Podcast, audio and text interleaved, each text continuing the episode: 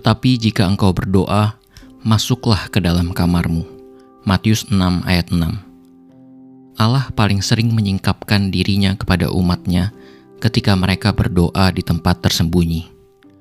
Pembauran yang indah, kehangatan surgawi, keceriaan penuh berkat, dan persekutuan terbaik bersama Allah yang telah dialami orang-orang percaya tatkala mereka sendirian bersama Allah di dalam kamar pribadi. Allah berkenan menjawab doa-doa pribadi dengan berkat-berkat terbaik dan terindah.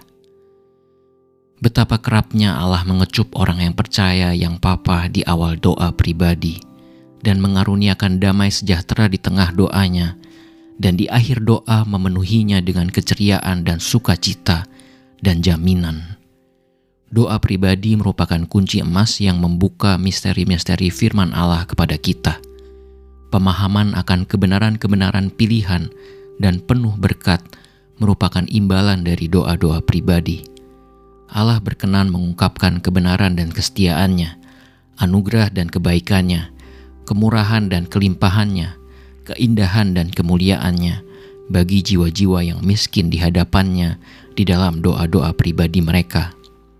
Allah memahkotai doa pribadi dengan pencerahan atas kebenaran berbobot penuh berkat bagi para hambanya yang merupakan kitab yang tersegel bagi orang lain.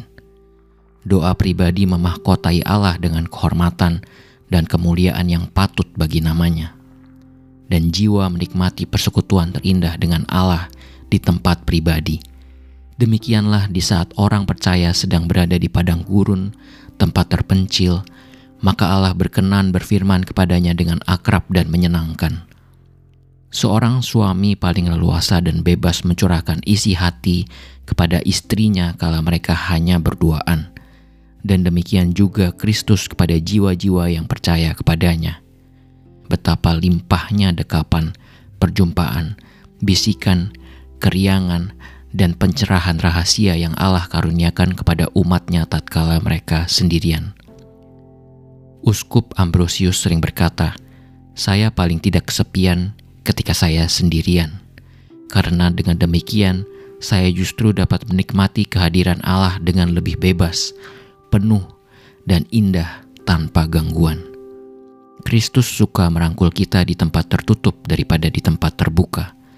Kristus mengaruniakan hadiah paling berharga di tempat tersembunyi tatkala kita sendirian. Matius 6 ayat 6, Tetapi jika engkau berdoa, masuklah ke dalam kamarmu.